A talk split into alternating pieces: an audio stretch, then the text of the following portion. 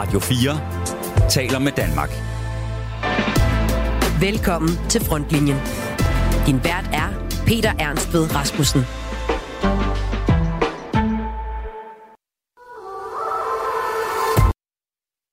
Det stod heldigvis klart for alle, at det at gøre sig energiafhængig af Rusland, russisk gas, russisk olie, kul, det var en gigantisk strategisk fejltagelse.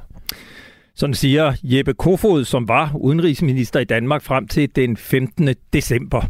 Jeg mødte ham i Washington i ugen før påske til en snak om, hvordan Vesten kan gøre sig mindre afhængig af energi fra lande, som ikke deler vores værdier og syn på demokrati, frihed og borgerrettigheder.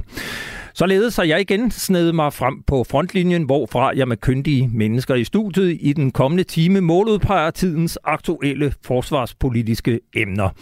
Vi skal blandt andet tale om fordelingen mellem menige og chefer i forsvaret og debattere om Forsvarsministeriets personale fordeling mellem civile og militære hensigtsmæssigt i en tid, hvor truslen er der vokser og skaber grobund for en stigende utryghed. Du har transistoren tunet ind på frontlinjen her på Radio 4, og jeg vil gerne byde dig rigtig hjertelig velkommen indenfor. Radio 4 taler med Danmark. Og vi indleder med netop at se på den voksende trussel fra Rusland og stiller spørgsmålet, hvordan vi bedst forsvarer os mod den. Skal Danmark investere i offensive missilkapaciteter, eller bør vi alene satse på et rent defensivt forsvar? Og hvor mange penge kan vi overhovedet tillade os at bruge på at imødegå lufttrusler, når det halter i stort set alle hjørner af forsvaret? Det er der delte meninger om, og det skal vi debattere lige om lidt. Men før vi når så langt, kan det for forudsætningsløse lyttere være en fordel at se på, hvordan den sikkerhedspolitiske situation i Østersøområdet overhovedet ser ud. For hvilken trussel udgør Rusland i det hele taget mod Danmark og NATO, og risikerer vi ikke at puste til ilden ved at opstille offensive våbenkapaciteter med rækkevidde til at nå russisk territorium. Til at gøre os klogere på det, har vi besøg af Amelie Tøjsen, der er Ph.D. i international politik og lektor ved Institut for Strategi og Krigsstudier på Forsvarsakademiet. Velkommen til. Tak. Hvis du skal give et helt overordnet overblik over sikkerhedssituationen og truslen fra Rusland i og omkring Østersøen lige nu, hvor anspændt ser den så ud? Jamen, situationen er jo ret så anspændt. Øhm, sidste års øh, stor invasion i Ukraine fra Rusland har vist, at Rusland kan være en eksistentiel trussel. Især de baltiske lande og også Finland øhm, har jo i årvis sagt, at de føler sig truet af Rusland, men det blev ligesom virkelig bekræftet sidste år. Øhm, og vi har set, at Finland og Sverige har søgt om NATO-medlemskab. Finland er, er blevet optaget øhm, i sidste uge, men jeg, det var. Øhm, og dermed har vi jo også set, at magtbalancen i Østersøen har ændret sig til fordel for NATO faktisk. Der er nogen, der har omtalt det her som NATO-sø nu, eller NATO-indhav. Og det er jo simpelthen fordi med finsk NATO-medlemskab og med den svenske ansøgning til NATO-medlemskab, så har vi altså øhm, hele den del af Østersøen er blevet blot, ikke? Øhm, i forhold til, at det nu er blevet øh, NATO-land, eller kommer til at være NATO-land. Øhm, vi har også set, at Rusland har trukket nogle af sine styrker til at skulle kæmpe i Ukraine øhm, væk fra regionen. Men på samme tid har vi jo set vedvarende provokationer fra russisk side, vedvarende aktiviteter, øvelser osv. Så øh, spændingerne er der, helt klart. Og hvad skal vi så være mest bekymrede over her i Danmark? Er det missiltruslen fra Kaliningrad? Er det russiske skibe med taktiske atomvåben ombord? Eller er det noget helt tredje? Det er et godt spørgsmål. Um, på en måde er det jo lidt af det hele, fordi man skal kigge på det med NATO-briller på. Ikke? Um, det er jo ikke kun Danmark, det handler om, men det er en, en mulig konfrontation mellem NATO og Rusland. Og der har vi blandt andet den her rigtig lange grænse mellem Finland og Rusland, øhm, som nu er blevet til en grænse mellem NATO og Rusland. Øhm, og vi har problemer med, med nogle hybride udfordringer, øhm, hackerangreb, forskellige mm, forstyrrende aktiviteter, som jo også udgør en trussel. Og så har vi missiltruslen, og vi har ubåde, der sejler rundt osv. Så, så for mig at se er det hele pakken, øhm, man, skal, man skal holde øje med. Men man skal også huske, at efterretningstjenesterne i hvert fald vurderer, at der ikke er russisk vilje til at indgå direkte krig med NATO ved det her tidspunkt, og at Rusland dermed ikke udgør en direkte sådan, territorial trussel mod Danmark ved det her tidspunkt. Øhm, men det betyder jo ikke, at der ikke sker en hel masse, som man skal ja, være forberedt på at holde øje med. Set fra din stol, øh, mener du så, at der er behov for, at NATO opruster med flere langrækkende våben og giver sit kollektiv luftforsvar en mere offensiv dimension, altså for at afskrække Rusland? Det er jo det spørgsmål, vi er her for at debattere. Øhm, men man kan i hvert fald sige, at sikkerhedssituationen i Europa og i hele verden har ændret sig grundlæggende. Vi, hvis man bare går 10 år tilbage, så så, så, så hele verden bare helt anderledes ud.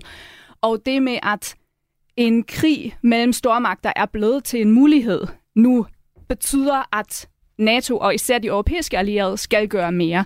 Så vi skal bruge flere penge på forsvaret, vi skal opruste, øhm, fordi truslen er simpelthen en anden, øhm, end den var. Og man har talt meget om det her anti-access area denial, altså de her missilkapaciteter omkring Kaliningrad for eksempel, hvor Rusland kan spærre af for et område, hvor vi ikke kan sejle ind, uden at det vil koste os dyrt øhm, i, i tab af materiel og menneskeliv. Øhm, at der kunne langtrækkende missiler være en mulighed for at håndtere den trussel. Men vi har også set i, i krigen mellem Rusland og Ukraine, at langtrækkende missiler altså ikke er nok. Der skal ligesom mere til, øhm, og vi skal lære fra det, vi kan se, øhm, der er sket i Sortehav, øhm, for at finde ud af, hvad vi så kan gøre her.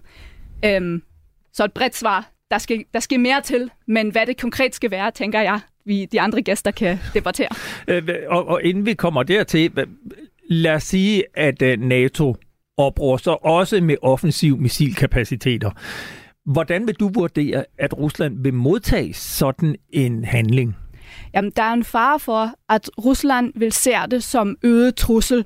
At det for eksempel vil øhm, forhindre deres øh, evne til at forsvare Kaliningrad fremover. Og at det dermed vil sætte gang i øhm, et sikkerhedsdilemma, eller forværre en sikkerhedsdilemma-dynamik i Østersøen, hvor begge sider føler sig truet, og så opruster den ene, så føler den anden sig endnu mere truet, og opruster, som så truer den første igen, og så ender man i en oprustningsspiral og i øget instabilitet. Og den fare er der jo, øhm, at den type oprustning kan, kan forårsage. Du nævnte det før, øh, og for nylig blev Finland jo lige præcis NATO's 31. medlemsstat. Og mange har i den forbindelse noteret sig, at Østersøen nu i høj grad er det her NATO-indland, eller NATO-farvand, som du også talte om. Hvilken betydning får Finlands optagelse for den sikkerhedspolitiske situation i Østersøen? En stor en, helt klart, fordi det giver nogle helt andre muligheder i forhold til forsyningslinjer, Øhm, men også den her lange grænse, som jeg har været inde og, og, og tale om, som der pludselig er en grænse mellem Rusland og NATO, og ikke kun Rusland og Finland. Ikke? Øhm, og det udgør jo en stor ændring, men det betyder altså også rigtig meget, når man kigger på de baltiske lande for eksempel, og forsyningskæder den vej, hvis det skulle komme til en konflikt mellem Rusland og NATO i de baltiske lande, så, så kan det altså rigtig meget, at Finland er, er med. Og så har Finland jo også bare et stærkt forsvar i sig selv, så det er, det, det, det er et stort gavn øh, for NATO. Kan Danmark så have en rolle at spille, hvis NATO vil opstille langrækkende offensiv missilkapaciteter, altså enten ved at købe selv, eller ved at lægge jord til eksempelvis på Bornholm?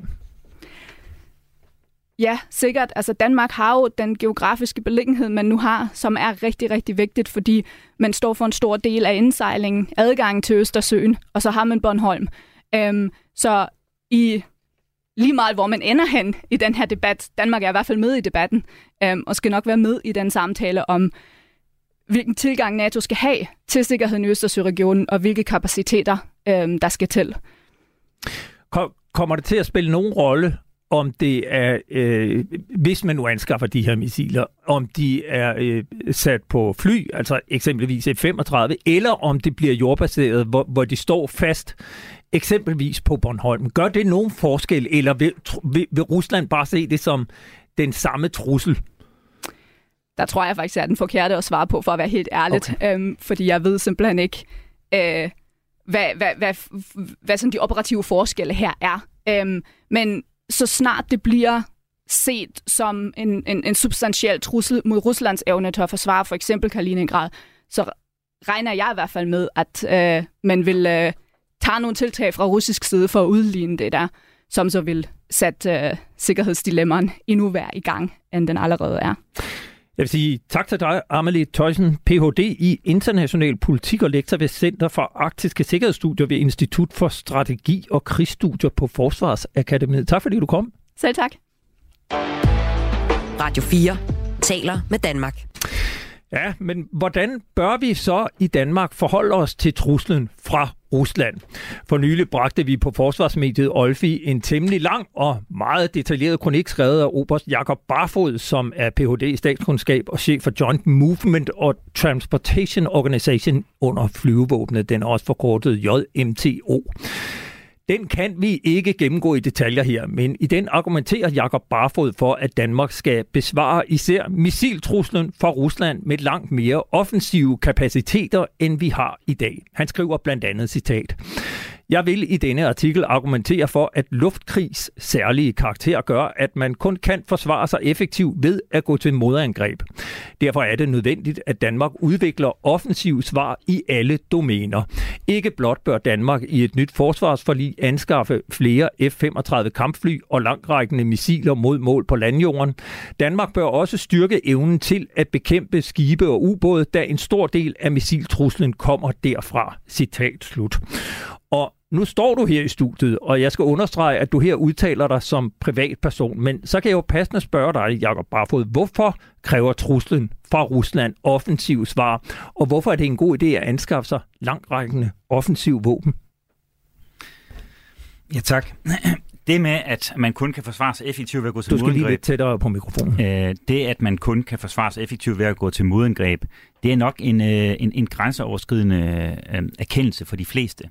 Og, og, og det er nok der, hvor vi, vil sige, hvor vi, hvor vi skal starte diskussionen. Øh, men det skyldes øh, flere faktorer. Det skyldes, at, øh, at luftkrigens særlige karakter øh, adskiller sig fra, fra landkrigen ved, at, at offensiven er stærkere end, øh, end defensiven. Øh, og der er flere faktorer, som, øh, som forklarer det. Blandt andet evnen til at flyve lavt øh, under radar, så man ikke øh, kan blive opdaget, eller flyve højt i en ballistisk bane hen over en, en, øh, en kæde af luftforsvarssystemer. Og så skyldes det, at, øh, at øh, luftstyrker, har, øh, øh, som ofte har lang rækkevidde og flyver med, med stor hastighed, som gør, at man fleksibelt kan lægge, kan lægge tyngde som, øh, som angriber. Og fordi det er angriberen, som vælger tid og sted, så har han en stor fordel. Og hvis nu kommer med et eksempel, som jeg også øh, havde i, øh, i, øh, i kronikken. Hvis nu Danmark ønsker at forsvare 10 øh, kritisk vigtige steder i, øh, i Danmark, øh, det kunne være øh, byer, øh, broerne over Sund og Bælt, øh, strategiske havne og, øh, og nogle af forsvarets øh, hovedkvarterer. Øh, og lad os sige, at truslen den består af, af 25 krydsermissiler, som Rusland kan fyre af i, øh, i, i, i en by mod, øh, mod et mål. Vi ved ikke, hvor Rusland vil, øh, vil angribe, men, øh, men vi har de her 10 steder, vi gerne vil forsvare. Så skal vi bruge mindst 25 defensive missiler hvert sted for at kunne forsvare dem, hvis vi antager, at vi kun skal bruge et missil til at skyde et, et, et, et russisk missil ned med. Det vil sige, at vi skal bruge 250 missiler for at forsvare os mod en trussel på 25 missiler. Så det illustrerer øh, den fordel, som angriberen har ved at vælge øh, tid og sted, og kan lægge tyngde det sted, mens, øh, mens forsvaren er nødt til at, at sprede sine, øh, sine styrker ud. Så uden et dansk offensivt modsvar, så vil Rusland hurtigt kunne, kunne nedslide det defensive øh, luftforsvar, ligesom de er ved at gøre i Ukraine, ifølge de seneste lækkede efterretninger. Og så læg dertil, at defensive missiler koster cirka det dobbelte af, af offensiv, og så begynder det også at blive vil sige, en, en, en økonomisk udfordring at matche det, det, det defensive. Kan, kan du ikke øh, forklare lytterne, hvorfor det er et problem, hvis Danmark ikke kan forsvare sig selv mod missilangreb, som dem vi eksempelvis ser i Ukraine? Jo, øh, og man kan også spørge, hvorfor skulle Rusland overhovedet bruge missiler på, øh, på Danmark? Og, øh, og, og det er fordi, vi har en strategisk vigtig rolle som øh, transitland og værtsnation for allierede forstærkningsstyrker, og fordi vi selv bidrager med forstærkninger til Baltikum. Og hvis øh, det, vi, øh, vi bidrager med, hvis det, vi bidrager med, rent faktisk har en militær værdi, så er vi ved at angribe. Det er krigens logik. Ved siden af dig står øh, Torben Ørting Jørgensen, pensioneret kontradmiral og formand for organisationen Folk og Sikkerhed i daglig tale, bedre kendt under navnet Tøger. Deler du Jakob Barfods analyse af, at Danmark bør anskaffe sig offensive missiler for at kunne afskrække Rusland? Jeg har ikke noget øh, forhold til offensive missiler specielt. Altså, jeg øh, køber fuldstændig ind på logikken om, at det er billigere at angribe end at forsvare. Sådan er logikken i øh, våbenteknologi. Det er ikke det, der bekymrer mig ved de synspunkter, som Jakob øh, fremfører. Udgangspunktet for Jakobs øh, tese, det er, at den mest påtrængende og mest relevante trussel, den kommer fra missilangreb fra Rusland. Det er den her clear and present danger, som vi skal indrette vores forsvar imod. Øh, jeg har øh, haft så lang tid i forsvaret, beskæftiget mig så meget med forsvaret, at jeg ved, at forudsigelser om fremtidige scenarier, som vi er klar til at håndtere om 10 år, aldrig kommer til at holde. Min tese det er, at vi har brug for et balanceret, fornuftigt, robust forsvar med væsentlige styrkebedrag i alle dimensioner, luft, sø, vand, øh, land osv., øh, og det skal være afbalanceret. Og det forslag, som øh, Jakob meget hurtigt kommer frem til i sine øh, forskellige skriverier, det er, at det bliver meget luftorienteret, orienteret mod både at bruge de offensive kapaciteter fra luften og øh, forsvare sig med jordbaserede missilbatterier. Det vi trænger til, det er i virkeligheden en grundlæggende diskussion om, hvad det er for et forsvar, vi skal have. Øh, vi taler her om øh, store missilslag, øh, som øh, øh, vi frygter og er bekymrede for, hvor russerne angriber os. Vi ved, hvis vi tager historisk empiri i betragtning, at øh, de var rundhåndet med anvendelse af taktiske atomvåben i den kolde krig. Så der er mange ting, som øh, vi ikke kan ruste os imod, og som vi ikke viser tegn til, at vi ruster os imod. Jeg er for eksempel bekymret over, at, øh, at, at vi stadigvæk, samtidig med, at Jakob taler om den her øh, substantielle trussel, så har vi en, øh, en civil beredskabsstyrelse, som fortæller, at øh, der er ikke nogen trussel imod Danmark, så derfor behøver vi hverken sikringsrum eller informere borgerne om, hvad de skal forårsage os for at styrke robustheden osv. Vi skal simpelthen have en diskussion om, hvad det er for et forsvar, vi skal have under de her radikale, forandrede sikkerhedspolitiske rammebetingelser. Fordi det forsvar, vi har, er ikke et forsvar, der er indrettet til at forsvare Danmark. Og det forsvar, som vi definerede, og som vi sidder med resterne af i dag, det blev defineret ud fra en præmis om, at der ikke var nogen militær trussel imod Danmark. Det kommer vi til at gøre om, og der kommer vi til at se meget bredere og meget øh, dybere end øh, det, Jakobs øh, tanker indtil videre har været udtryk for. Men bare så for, forstår du øh, ret, er det, er det korrekt forstået, at det, du i virkeligheden opponerer mod, det er, at man vil kanalisere for øh, meget af den, trods alt stadigvæk sparsomme økonomi, forsvaret kan se frem mod, ind i et øh, luftforsvar, frem for at sørge for, at, at alle tre værn øh, og et samlet forsvar bliver styrket over en bred kamp? Altså, man skal jo være mere faktisk blind, hvis man ikke kan se de problemer, der er i herren med mandskabet, som i øvrigt også er gældende for de andre værn, altså flyvevåben og søværn har også enorme rekrutteringsproblemer og alt muligt andet. Så er det som om, vi hopper over alle de her problemer og så direkte ud og køber nye elektriske tog, som skal løse øh, de her opgaver, baseret på en fremskrivning af en virkelighed om 10 år. Rusland går ikke, væk, går ikke væk. Selvom de får en blodsud i Ukraine, så vil de stadigvæk ligge der. De går heller ikke væk, fordi vi fyrer x antal offensive missiler i hovedet på dem fordi at de er så store og så mægtige rent geografisk, at de kan trække sig tilbage, og de har jo bevist, at øh, de deres villighed til at acceptere tab. Så vi kommer til at forholde os til et Rusland, som også er klar til at kæmpe dag 5, 6, 7, 8, 9, 10, og ikke som Danmark, hvor vi jo i øjeblikket er i en situation, hvor man må lave kasseeftersyn, fordi vi ikke har logistik og udrustning til de enheder, vi har besluttet os for at have, som i øvrigt ikke er optimeret til et forsvar af Danmark. Jakob Barfod, øh, bare lige for at følge op på det, Tøre siger. Anerkender du, at, at din løsning, altså hvor man fokuserer meget på det her luftforsvar, at den vil lægge beslag på en meget stor del af det kommende forsvarsforlig, og i virkeligheden gøre det svært også at styrke både søværen og, og her? Øh, ja og nej. Og når jeg siger øh, ja, øh, så er det fordi, at det vil selvfølgelig lægge beslag på en stor del af økonomien. Men, øh, men det er jo ret øh, vigtigt, som man også, øh, som du også selv sagde i din, i din start, at det her det handler ikke om en styrkelse af, af flyvåbnet.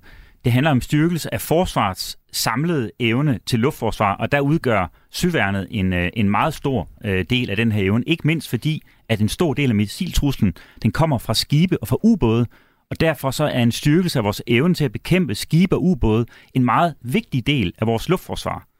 Øh, så det er den ene ting. Den anden ting er, at jeg er helt enig i, at alle øh, værn, øh, de, øh, øh, de halter i forsvaret. Det er en kæmpe genopbygning, vi skal i gang. Så det eneste, jeg snakker om, det er rækkefølgen. Altså, hvis vi skal kunne sende forstærkninger, enten det er egne eller allierede til Baltikum, så skal vi kunne forsvare vores vigtige strategiske havne, brug og anden infrastruktur. Men i forhold til herren, så mener jeg, det er, det er afgørende også, at herren bliver styrket i et, et nyt forlig. Øh, og jeg mener, at det er afgørende, at, at driften kommer i balance. Det vil sige, at driften af kaserner og, og materiel skal styrkes, og der skal bygges nye faciliteter. Fordi hvis vores soldater skal have lyst til at blive i forsvaret, så kan det ikke nytte noget, at faciliteterne er i forfald, og materiellet ikke vedligeholdes tilstrækkeligt. De skal ikke øh, stå og mangle materiel til træning og til, til øvelser, så gider de sgu ikke være her. Øh, så mener jeg, at den næste prioritet for, øh, for herren, det er, at den skal bringes i doktrinær balance. Og med det, øh, der mener jeg, at kampstøtte og støttetropperne har været udsultet og nedprioriteret i to årtier, fordi vi ikke har skulle bruge dem så meget i Afghanistan og Irak. Og uden den her doktrinære balance, så kan man ikke kæmpe effektivt. Og det er for eksempel luftværn, droneforsvar, artilleri, ingeniørtropper, opklaring, efterretningstropper. Og det er logistik, og der er det særlig galt. Og man behøver kun at se på Ruslands invasion af Ukraine for at se, hvor galt det kan gå, hvis der ikke er styr på, øh, på herrens logistik. Ja, jeg vil gerne tilføje, at jeg stort set ikke er uenig i det fremførte her. Bortset fra, at fokus på de luftmilitære er ude af balance med, et, med ønsket om at få et robust og balanceret forsvar, som kan også forsvares imod de trusler, vi ikke kan forudse. Og jeg er færdig med at tro hverken på, på øh, efterretningstjenester eller eksperter fra øh, forskellige sikkerhedspolitiske videnskabelige institutter, når de skal forudse øh, krige, som vi alle sammen vidste aldrig ville komme, men som alligevel øh, dukker op over and over igen. Så øh, vi, skal, vi skal simpelthen ind og have en diskussion om vores egen robusthed og vores egen forsvar. Det landmilitære forsvar begynder i Baltikum. Baltikum, hvis vi tager NATO's nye doktrin, så er det der, at man begynder at lægge tyngde og, og, og komme til øh, den luftmilitære balance i Østersøområdet. Nu har vi fokuseret meget på, at det er blevet en, en indsø, altså med Finland, øh, som kommer med 67 øh, F-35 kampfly og har i øjeblikket F-18. Øh, Sverige, som har 170. Der er der, der er sket en oprustning på det luftmilitære område, der i en alliancemæssig perspektiv er betragteligt. Og så er det måske en anden diskussion, vi skal have. Frem for at foreslå flere F-35 fly, så er det måske øh, en, en overvejelse værd ikke at anskaffe flere F-35 fly, men sørge for, at de vi har er udstyret med de her øh, POTS, efterretnings ESM øh, POTS og øh, ESM. Ja, sådan electric countermeasure POTS og, øh, og med langrækkende missilsystemer, fordi det som også slår mig, det er at vi køber verdens dyreste kampfly, stealth og alt muligt andet. Og så bygges der et billede om, at det vil være halsløs at anvende dem mod fjenden. Nej, de skal ligge op med langrækkende missiler øh, op omkring øh, Skagen eller Aalborg, og så engagere mål øh, derhen. Det er helt fint, men hvorfor skal vi så have verdens dyreste kampfly? Så kunne vi jo have købt en P8 eller et eller andet, der kunne læse det der i hovedet på altså, med sikker afstand. Øh, så, så der er noget, der halter ved logikken. Og så den sidste ting med flåden. Altså, prøv at høre her. Vores fregatter sejler på 10. år rundt med fuldstændig tomme missilbrønde.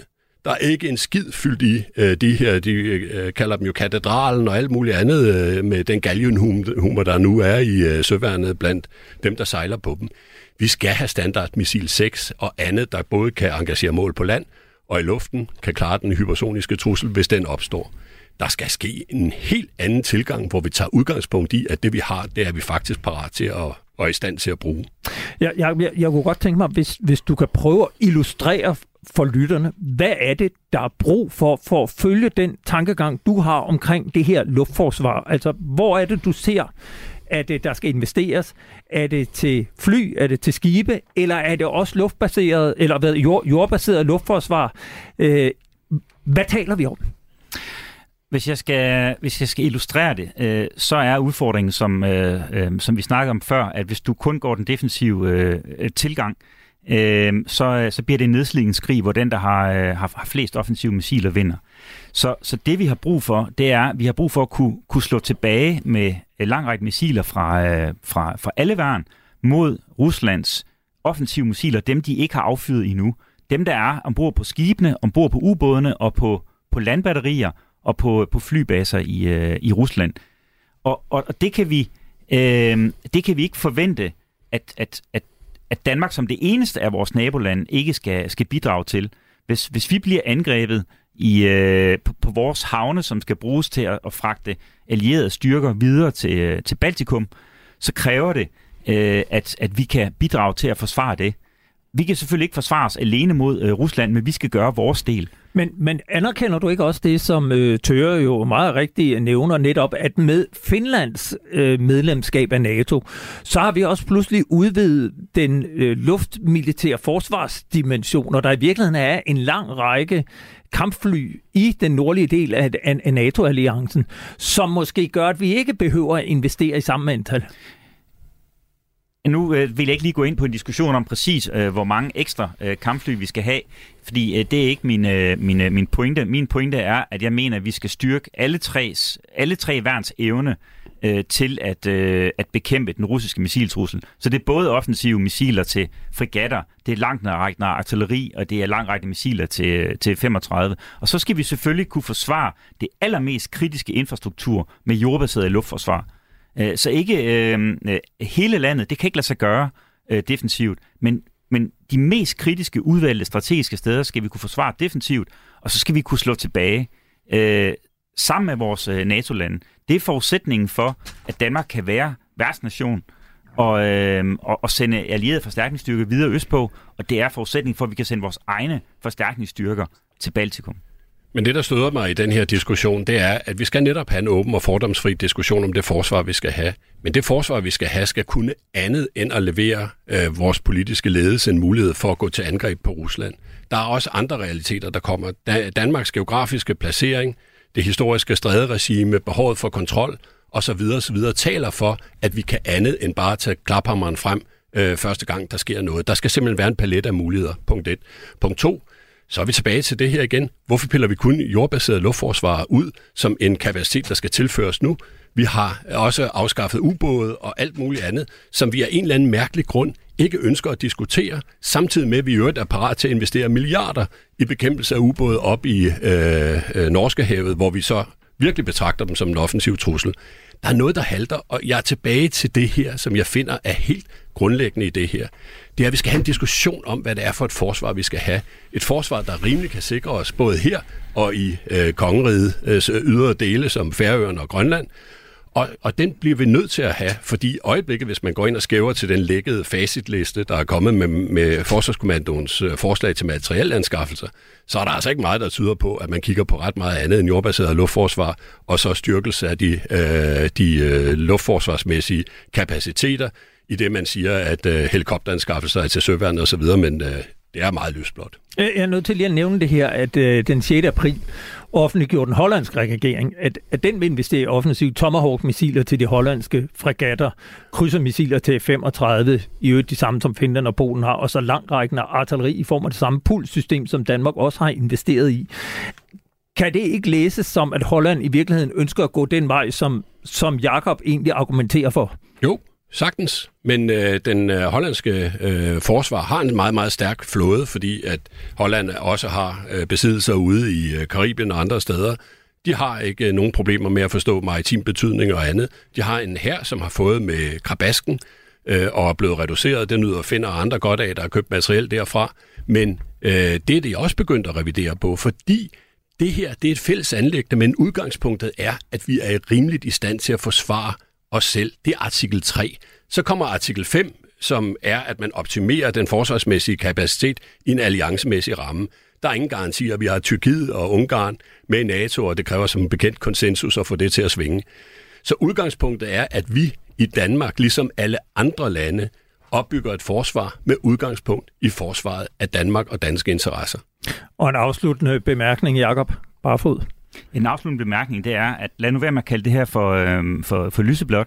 Det er i høj grad kapaciteter fra øh, alle tre værn, der skal bidrage til at bekæmpe den russiske missiltrussel, og herren skal helt sikkert styrke det også. Jeg snakker kun om, om rækkefølgen, om at kunne forsvare vores egen base, vores egen depoter. Vi skal kunne genforsyne en brigade indsat i, i, i Baltikum, og det kan vi ikke, hvis vores forsyningslinjer ikke er sikre mod missilangreb, hvis vores depoter kan rammes af missilangreb, vores havne osv. osv. Det er en debat, øh, der i hvert fald er taget hul på, som vi kommer til at fortsætte. Jeg vil sige tusind tak, fordi I kom begge to. Jakob, Jakob Barfod, Oberst BHD og chef for JMTO, og øh, Torben Ørting Jørgensen, øh, øh, formand for Folk og Sikkerhed, pensioneret kontradmiral. Tusind tak, fordi I kom begge to. Du lytter til Frontlinjen på Radio 4. Vi bliver ved diskussionen om, hvordan det kommende forsvarsforlig skal se ud. En del af den debat handler om forsvarets personelmæssige størrelse øh, og fordelingen mellem civile og militære ansatte. For nylig kunne man i artikler på Berlingske læse, at der i dag er flere sergeanter og officerer, end der er menige soldater i forsvaret. Det har vagt en efterhånden temmelig gammel og tilbagevendende debat om antallet af høvdinge og indianere til live igen. I forlisteksten for det indeværende forsvarsforlig, som er forfattet i 2018, kan man læse, at, citat, Forsvaret ved udgangen af forlisperioden skal have flere operative enheder og soldater, end tilfældet er i dag, samt en mindre ledelsestung struktur, citat slut. Set i det lys kan det virke, som om nogen har misforstået forlisteksten, når man kigger på Forsvarsministeriets aktuelle personaletal. I 2018 var der på Forsvarsministeriets område ansat 352 chefer og det tal var sidste år vokset til 383. Blandt officererne var der i 2018 3.386, og det tal var sidste år vokset til 3.700, altså 314 flere officerer end ved forlisperiodens begyndelse. Ser man på de menige, var der i 2018 7.348 konstabler. Det var den gruppe, der skulle vokse. Men i 2022 var det tal dalet til 7.069, altså næsten 300 færre konstabler end ved forligets indgåelse. Nu kan jeg så byde velkommen til Carsten Bak, øh, forsvarsordfører i Liberal Alliance. Når man i 2018 opstiller det som sit erklærede mål, at der skal være flere operative enheder og soldater og en mindre ledelsestung struktur, hvordan i alverden kan det så være, at vi er havnet, hvor vi er i dag?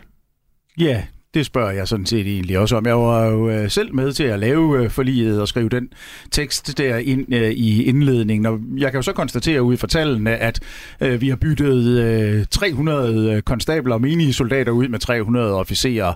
Det er jo i virkeligheden stik modsat af den hensigt, vi havde politisk. Øhm, desværre var det jo sådan, at vælgerne de ville det sådan, at jeg ikke skulle være medlem af Folketinget fra 19 til 22, og jeg har derfor ikke haft mulighed for politisk at følge op på det. Men øh, der er jo ikke nogen tvivl om, at øh, forsvarets ledelse må på en eller anden måde have sovet lidt i timen, øh, i hvert fald have misforstået den tekst, øh, fordi det er jo ikke den retning, øh, der er blevet taget efter 2018. Man kan jo også vende den om og sige, at det kan være fordi, at de fra politisk hold har stillet en opgave, der var umulig at løse, og I ikke har givet de rette forudsætninger for, at forsvaret rent faktisk kunne vokse. Eksempelvis har vi jo haft debatten her om, at det har været rigtig svært at fastholde personalet, at de siver på grund af mangel på våben, ammunition og dårlig indkvartering. Øh, har I ikke selv et ansvar som politikere? Der er helt klart et politisk ansvar her, øh, og det må vi jo øh, tage, øh, kan man sige, til en notat, at vi har simpelthen ikke været gode nok til politisk at følge op på det her, få stillet de rigtige spørgsmål, få leveret de rigtige tal tids nok fra forsvaret. Men jeg er også bare nødt til at sige, at der er i en eller anden grad, sådan som jeg opfatter det, en form for tonedøvhed øh, i de øverste lag af forsvarets ledelse på, hvad er det for en politisk retning, vi skal tage. Øh, når jeg sidder og læser den øh, forsvarsaftale, vi lavede i 2018, og sådan med en lille kuglepind ude i siden, ude i marken, lige tjekker af, øh, hvad har vi egentlig gennemgået, øh, og hvad har vi opnået øh, i forhold til den politiske retning, vi satte i 2018, så er det ikke ret mange V-tegn, jeg sætter. Øh, så der er simpelthen noget, der er gået galt, og i hvert fald, hvad jeg har hørt, er der ikke øh, sådan de store ryster fra forsvarets side om, at man ikke har kunnet løse de opgaver. Fordi det er klart, at hvis vi sætter for høje krav politisk, øh, og det er umuligt for forsvaret at løse de her opgaver, så skal der være nogen, der skal sige det til os. Øh, fordi jeg, jeg har jo ikke min daglige gang ude i gelederne i forsvaret, så jeg kan ikke se, hvad det er, der foregår, foregår, og derfor er det, at forsvarets ledelse har en forpligtelse til at bringe det frem til politikerne og sige, vi kan ikke løse den opgave, vi kan ikke tage den retning, som vi politisk har anvist. Altså simpelthen øh, en ledelse, der ikke er trådt i karakter og sat foden ned og sagt stop. Ja, det må øh, være min konklusion på det. Det er, at øh, der enten øh, i forsvars øverste øh, ledelse er en kultur om, at man ikke tør politisk øh, at adressere de øh, udfordringer, man har. Øh, og hvad der så, øh, kan man sige, er årsag til det, det kan jeg jo kun give om. Ved siden af dig, der sidder Lise Bæk, øh, forsvarsordfører i Danmarksdemokraterne. Du var jo ikke øh, med til at indgå det seneste forlig, men du har dog siddet i Folketinget i, i mange år tidligere for Dansk Folkeparti.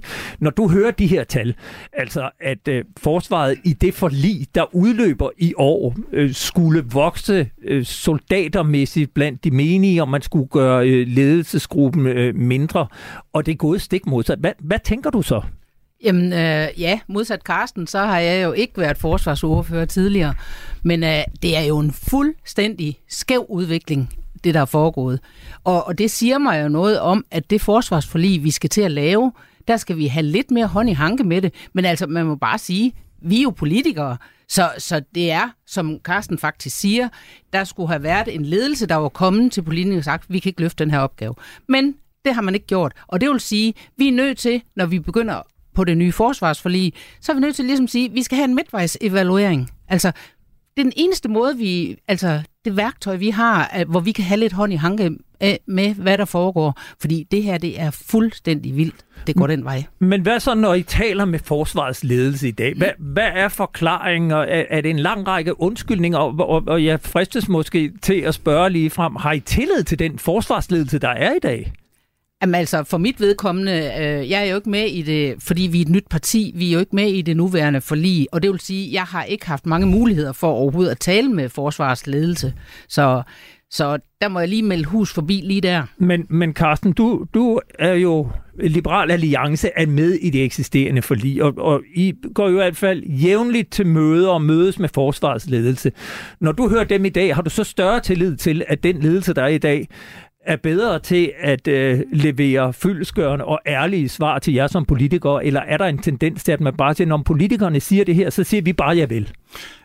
Altså, det er jo paradoxalt, at et medlem af Liberal Alliances folketingsgruppe føler sig nødsaget til at alliere sig med fagbevægelsen for at få de rigtige svar på, hvad der foregår i forsvaret. Når jeg siger fagbevægelsen her, så mener jeg jo forsvarspersonelorganisationer her, øh, øh, og, hvad hedder den, øh, HD. Øh, Hovedorganisationer og officerer i, i Danmark. Danmark. Ja, lige ja. præcis. Det var det, jeg ikke kunne huske. Og, øh, og de andre fra, fra, fra konstablerne her og, og CS.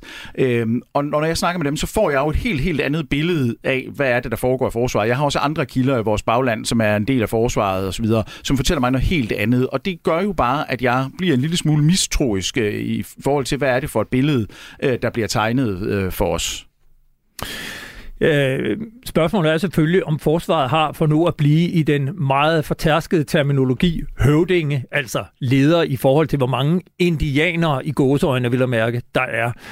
Øh, Indianer-analogien øh, peger på, at antallet af sergeanter og officerer faktisk ikke er det samme som antallet af ledere eller chefer. En af dem er overlovskaptajn militær analytiker Anders Puk Nielsen, som i 2017, da debatten senest rasede, skrev sådan her i et debatindlæg på Olfi, citat. Hvis man anvendte samfundets definition af, hvad en leder er, vil man finde frem til, at en hel del af forsvarsofficerer og befalingsmænd slet ikke er ledere. De er administratorer, undervisere, studerende, controller, specialister, forskere og alt muligt andet. Hvis man tæller alle disse med som ledere, kommer antallet af ledere i organisationen til at se absurd højt ud. Så hvis vi vender tilbage til denne her øh, debat om ikke hvordan du nu reelt set har udviklet sig fra 2018 til i dag, men mere fordeling af, hvor mange skal man have i menige i forhold til øh, ledere og chefer. Har Anders Puk Nielsen så ikke en pointe i, at både sergeanter og officerer laver en hel masse andet end ledelse, og at det ikke i sig selv er et problem at have mange af dem? Det, selvfølgelig er der en, øh, pointe i det, og det er jo også virkeligheden. Jeg vil øh, godt referere til Lise Bæks øh, super gode pointe fra før, om at vi fremadrettet øh, til synligheden er nødt til som politikere at være meget håndholdte i, hvad er det, der foregår i forsvaret. Det er jo ikke sådan, at som Liberal Alliance vil jeg jo gerne kunne udlicitere den her opgave, men det kan jeg ikke, fordi det handler om national sikkerhed, og det er der ikke et marked for. Så, så derfor er vi nødt til at være mere håndholdte som politikere. Men jeg synes vidderligt ikke, at det bør være nødvendigt for os at gå ned i personaletal og nærmest gå ned og læse i personalehåndbog og principper for udstationering og alt muligt andet, hvad vi får kastet i hovedet. Det, det kan simpelthen ikke være en politisk opgave øh, at skulle micromanage øh, forsvaret på den måde. Der, der er jeg helt enig med Lise Bæk. Hvis man øh, ser på, hvordan at øh, personalet eller personalet, for nu at bruge den civile betegnelse, er fordelt i, øh, for, på Forsvarsministeriets område, så vil man kunne inde på Forsvarsministeriets personalestyrelses øh, hjemmeside læse, at næsten 30 procent af alle fastansatte i forsvaret i dag er civile. Øh, og det vil sige kun 70 procent øh, militært ansatte. Lise Bæk, er det en fordeling, som du mener er rigtig, eller er det også noget, I fra politisk hold er nødt til at gå ind og se på, når I skal forhandle et nyt forsvarsforlig? Jeg synes, når jeg hører de tal, så tænker jeg, det er sådan en tendens, der er inden for det offentlige system. Altså, det er jo det, vi også hører fra kommunerne. Der bliver flere og flere ledere til at lede nogle ledere, der leder nogle ledere, og så sidder der så nogle fodsoldater nederst. Og det er jo kendetegnende ved det her. Og det skal vi bare væk fra. Altså, det du sagde før med hensyn til, at øh, der sidder nogen, der bliver sagt, det er ledere, men de laver alt muligt andet. Jamen, så skal vi have det label på det og sige, jamen, øh, så er de jo noget andet. Altså, det kan jo ikke nytte noget, at, at vi ikke har sy- øh, styr på, hvem der er hvem.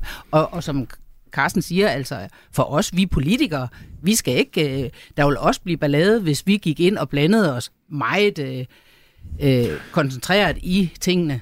Så... Jeg, jeg, jeg tror også, det er mere den her med, at, at man har en rang i, i forsvaret, mm. ikke? Og, og så bliver man hurtigt yeah. sat i en boks, som måske ikke nødvendigvis øh, øh, giver, giver det kor- ja. korrekte billede, men man kan sige, noget af den udvikling, der har jo været, det sidste forlig blev jo sagt, det skulle være et substantielt løft, men i virkeligheden var det jo en kæmpe spareøvelse også. Og, og noget af det, jeg fik fortalt dengang i hvert fald, var, at når man også havde ændret mange af de militære stillinger, så var det jo i virkeligheden også en måde at spare penge på, mm. fordi når man ansatte en civil, så risikerede man ikke, at den her pludselig skulle udsendes i en mission, eller skulle have vedligeholdende skydetræning og alt det her. Tjenestemandspension. Præcis. Men kan man sige, at, at det er også det, der rammer os i foden nu, fordi at når man er civil, så kan man ikke gå ind og udfylde en militær rolle. Nej, men civile, det er jo også øh, værkstedspersonel, og de kan godt blive sendt ud sammen med de andre, hvis der er, der skal nogen med til at vedligeholde nogle lastbiler, eller noget kampvogn, eller noget fly, eller et eller andet. Så, så de civile, de er ikke sådan, vi bare kan sige, de kan ikke sendes ud. Det kan de godt. Men altså, det er en fuldstændig skæv fordeling, og vi skal have rettet op på det. Ja, jeg vil jo faktisk sige, at pointen er måske nok øh, den, at den kerne militære øh, faglighed, der skal til for at være soldat og for at kunne løse krigsopgaver, den skal der fokuseres på i forsvaret. Så er der nogle opgaver, som man jo så til synlædende ikke behøver at have en militærfaglig baggrund for at løse. Og der vil min indgangsvinkel jo være, at vi nok måske i højere grad skulle bruge private aktører udefra eksternt ind i forsvaret til at løse nogle af de her opgaver, sådan at forsvaret og forsvarets ledelse, fordi jeg betvivler ikke, at forsvarets ledelse formentlig er god til at føre krig øh, og løse de militærfaglige opgaver, så synes jeg, vi skal lade dem gøre det, og så sikre, at vi har en personel pulje, øh, der har den rigtige uddannelse, som vi kan bruge til det, og så har vi private aktører eksternt fra, der løser de andre opgaver. Så kan jeg jo ikke lade være med at øh, komme til at tænke på farsen med ISS, ISS der bliver ansat ja, ja. til at håndtere øh, øh management, facility management på, på, på kasernerne, som jo alt andet lige ikke var en succes. Nej, men det kræver øh, måske også, kan man sige, noget baggrund øh, og noget modenhed øh, i forsvarets organisation til at have private aktører ind øh, i, til at løse den slags opgaver i virkeligheden. Øh, den her debat mellem civile og militære, det er vel også præcis det, Lisebæk, som du taler ind i, som foregår ude i kommunerne. Altså faglighed kontra administration. Mm. Og hvor, hvor jeg er helt med på, at man kan godt sende en, en værkstedsmedarbejder ud på en mission, men, men noget af debatten har jo gået om de her ansatte i styrelserne, der eksempelvis håndterer materiel indkøb, hvor noget af kritikken fra soldaterne jo har været, at der ofte sidder nogen, der ikke aner, hvad de har med at gøre, for de civile, de har aldrig været i forsvaret. Er det et sted, hvor du mener, at det vil give mening, at man gik ind og sørgede for igen at se på, at vi skal have noget mere militærfaglighed, folk i uniform, der kan være med til at rådgive i eksempelvis indkøb? Ja, altså lige netop her er jeg jo ikke helt enig med Carsten, nemlig fordi jeg mener tværtimod, at det er vigtigt, at vi har nogle folk, øh, inden for militæret, der har noget faglighed. Så, så det synes jeg, at vi skal have kigget på, at, at det ikke bliver netop dem der, der ikke aner, hvad, hvad snakker vi om? Hvad skal vi have købt ind? Altså, Ja, altså bare for at, for at sige det, det er jo ikke, kan man sige, kantinepersonalet, øh, som, som er, er i spil her, hvor det er, det mener, at man, når man er alligevel civil ansat i forsvaret til at drive kantine eller til at pusse vinduer eller hvad man er, så kan man lige så godt være ansat i et privat øh, firma, som bliver hyret ind af forsvaret. Det det bare kræver, det er forsvaret moden til at løse, eller tage den slags øh, eksterne ind til at løse opgaverne. Vi når ikke mere nu. Det bliver en debat, vi kommer til at fortsætte, er jeg sikker på. Tak fordi I kom med Carsten Bak, forsvarsordfører Liberal Alliance, og Lise Bæk, forsvarsordfører i Danmarks Demokrat. Tak. Selv tak. tak for det. Selv tak. Du lytter til Frontlinjen på Radio 4. Vi skal også nå omkring energi som et sikkerhedspolitisk værktøj. I de seneste to uger har jeg været i USA, hvor der sker en hel del i disse tider. I ugen op til påske afholdt organisationen SAFE en konference om USA's afhængighed af energi fra lande, som ikke deler de vestlige værdier om demokrati, frihedsidealer og menneskerettigheder. SAFE står for Securing America's Future Energy, og en af deltagerne var Danmarks seneste udenrigsminister i form af Jeppe Kofod fra Socialdemokratiet. Jeg mødte ham i Washington og spurgte ham indledningsvis, hvilke forandringer på det energipolitiske område, som han oplevede i det sidste år af sin tid som udenrigsminister. Det stod heldigvis klart for alle, at det at gøre sig energiafhængig af Rusland, russisk gas, russisk olie, kul, det var en gigantisk strategisk fejltagelse. Nord Stream 2 og så videre. Det, det, var, det var det, som var erkendelsen, også fra Tyskland, øh, efter øh, krigen brød ud i februar sidste år. Det var godt, og vi ved jo, at vi, vi så kæmpet med øh, at have en plan for at gøre os fri af, af vores afhængighed af russisk energi. Men jeg tror også, det for det andet var et, et, et stort wake-up call til os i Europa, i den vestlige verden, at, at vi kan ikke lade os gøre os kritisk afhængige af autokrater og lande, som tror vores sikkerhed, vores kernesikkerhedsinteresser. Derfor så for mig som, for mig som udenrigsminister, der var det altså afgørende at sige, okay, vi er i en ny virkelighed. Det handler ikke kun om Rusland, det handler også om andre lande. Vi har lige set uh, den kinesiske præsident Xi være på besøg i Rusland hos Putin, og hvor de har stadfæstet deres uh, alliance. Det er stærkt bekymrende. Og at der også, uh, man kan se på på Freedom House og de her, der måler, hvordan demokratiets tilstand er i verden, og hvordan frihedsrettigheder ser ud, og om samfundet er frie, det er gået den forkerte vej stort set de sidste par årtier. Og derfor er vi nødt til at være meget klare på, at vi, der deler værdier sammen, de lande, der deler værdier sammen, vi, vi, vi skal også kunne kontrollere de værdikæder. Nu sidder vi jo så i Washington. Hvorfor er det, at du er i Washington? Jamen, jeg er over til øh, et topmøde, som en organisation, der hedder Securing America's Future Energy, de har lavet. Forkortet SAFE. Ja, SAFE. De har i snart 20 år haft fokus på at gøre USA øh, som man siger, uafhængig af energiimport fra lande, man ikke ønsker at være afhængig af, og også nu kritiske mineraler og teknologi. Og derfor den her organisation, den, den er den er karakteriseret ved, at der også er, er mange tidligere militærledere, generaler, blandt andet øh, Admiral Blair, der har ledt CIA, øh, en del af lederskabsrådet, fordi de ser det som en national sikkerhed og energi. Det hænger øh, en til en sammen, og de har set det i mange år. Jeg synes jo, at vi bør tænke på samme måde i Europa. Øhm, og, og så mit, mit ærne ved at være herover er jo så også at se, om vi kan øh, på en europæisk måde, men koble os på den mission, at gøre os øh, fri af kritisk afhængighed af lande, vi ikke ønsker at være afhængige af, hvad det gælder energiimport, men også kritiske mineraler og metaller, vi skal bruge i den grønne omstilling. Fordi ellers så risikerer vi at gøre os selv enormt sårbare, øh, og det skal vi væk fra i den geopolitiske situation, vi står i verden. Det er jo ingen hemmelighed, at du er også blevet inviteret fordi amerikanerne vil i virkeligheden ønsker, at Europa også i højere grad skal tænke energipolitik i sikkerhedspolitikken, eller hvad? Ja, altså, de er jo kommet til mig og præsenteret deres øh, mission og organisation, og, og så har, haft en, har jeg haft en dialog med dem og sagt, er det noget, vi kunne lave i Europa også? Øhm, og jeg har sagt, ja, jeg synes, det er en god idé. Øh, jeg synes, det er, øh, og jeg har været med til at udvikle ideen, fordi jeg synes, det, det giver mening for Europa at tænke energi og national sikkerhed sammen. Altså militær sikkerhed, økonomisk sikkerhed. Vi, jeg er jo den grad klimaforkæmper, det er, den danske, det er Danmark som sådan, som land. Men jeg tror, vi kommer endnu længere og endnu hurtigere, ikke mindst, øh, hvis vi tænker national sikkerhed og energi sammen.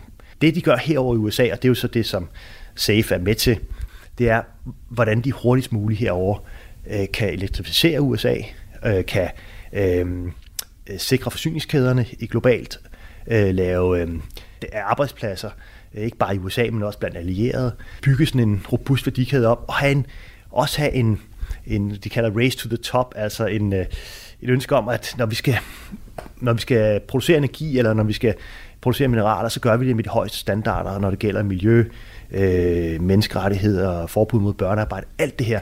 Fordi sandheden i dag er, at vi er jo i gang med en gigantisk grøn omstilling, hvor vi blandt andet øh, får øh, vigtige metaller som lithium og andet fra øh, lande og områder, hvor det enten ødelægger, at der er børnearbejde, eller også hvis du tager til Indonesien, kan du se, regnskovene vil blive ødelagt på grund af lithiumminer og alt det Så det skal vi jo det skal vi jo have fokus på at væk fra.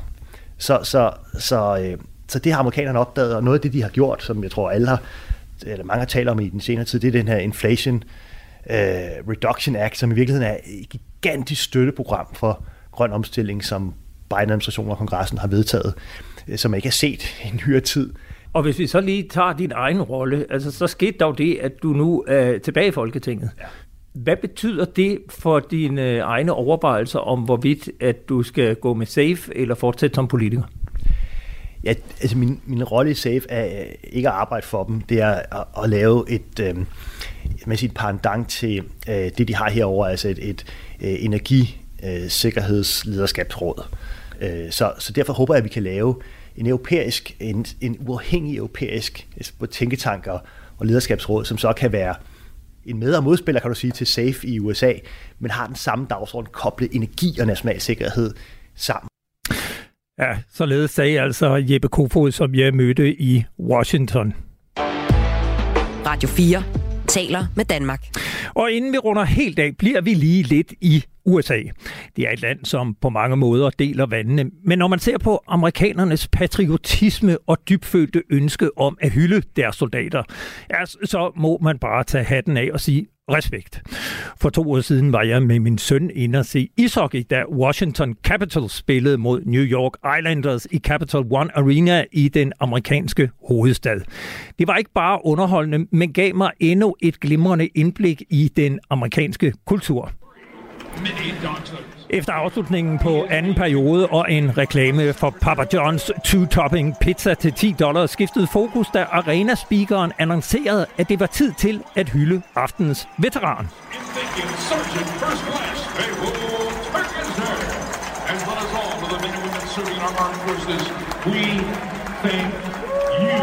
Ja, og fra os alle til jer, der har en tjenestegørende blandt jeres allernærmeste, vi takker ja, lød det, mens publikum stod op og både vinkede og piftede, så oversergeant Tuckerson blev hyldet til stående ovationer.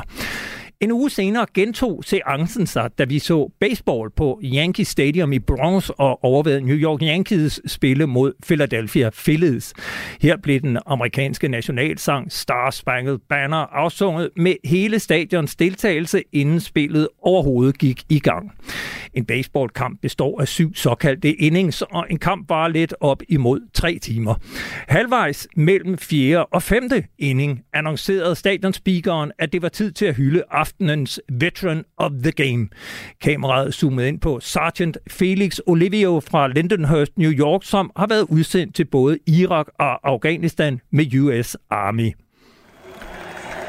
Stadion rejste sig i respekt, mens øh, Sergeant Olivio, klædt i en New York Yankees t-shirt med en baseballcap i hånden, stod bevæget med hånden på hjertet til nye stående ovationer fra et begejstret publikum på omkring 40.000 mennesker.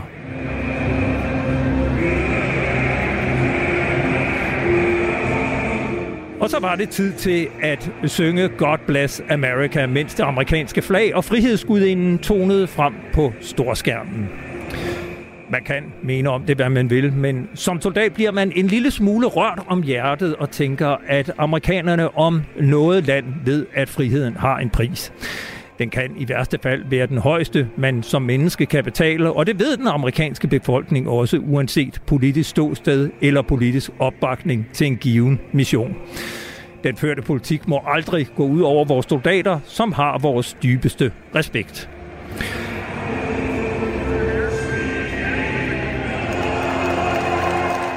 Ja, vi har i dag i Danmark med flagdagen den 5. september kommet en lille smule efter det, men vi kan nok stadig godt lære noget af amerikanerne. Så er det for meget her afslutningsvis at sige God bless America og Gud bevarer Danmark. Radio 4 taler med Danmark. Vi når ikke mere i denne udgave af Frontlinjen her på Radio 4. Denne udsendelse blev lavet i samarbejde med journalist Kasper Junge Vester. Og husk, at du kan skrive til os med ris og ros på frontlinjen radio4.dk, og du kan også downloade vores app, hvor du kan lytte til alle tidligere programmer. Efter nyhederne er der Kranjebrud, som i dag fortsætter med militært indhold i det, du kan komme med ned under jorden i bunkeren Regan Vest i Rolskov, som skulle beskytte regeringen og kongehuset i tilfælde af en atomkrig mod Danmark. Så tilbage er der bare at sige tak, fordi du lyttede med. Vi er tilbage om en uge, samme tid, samme sted. Tak for i dag.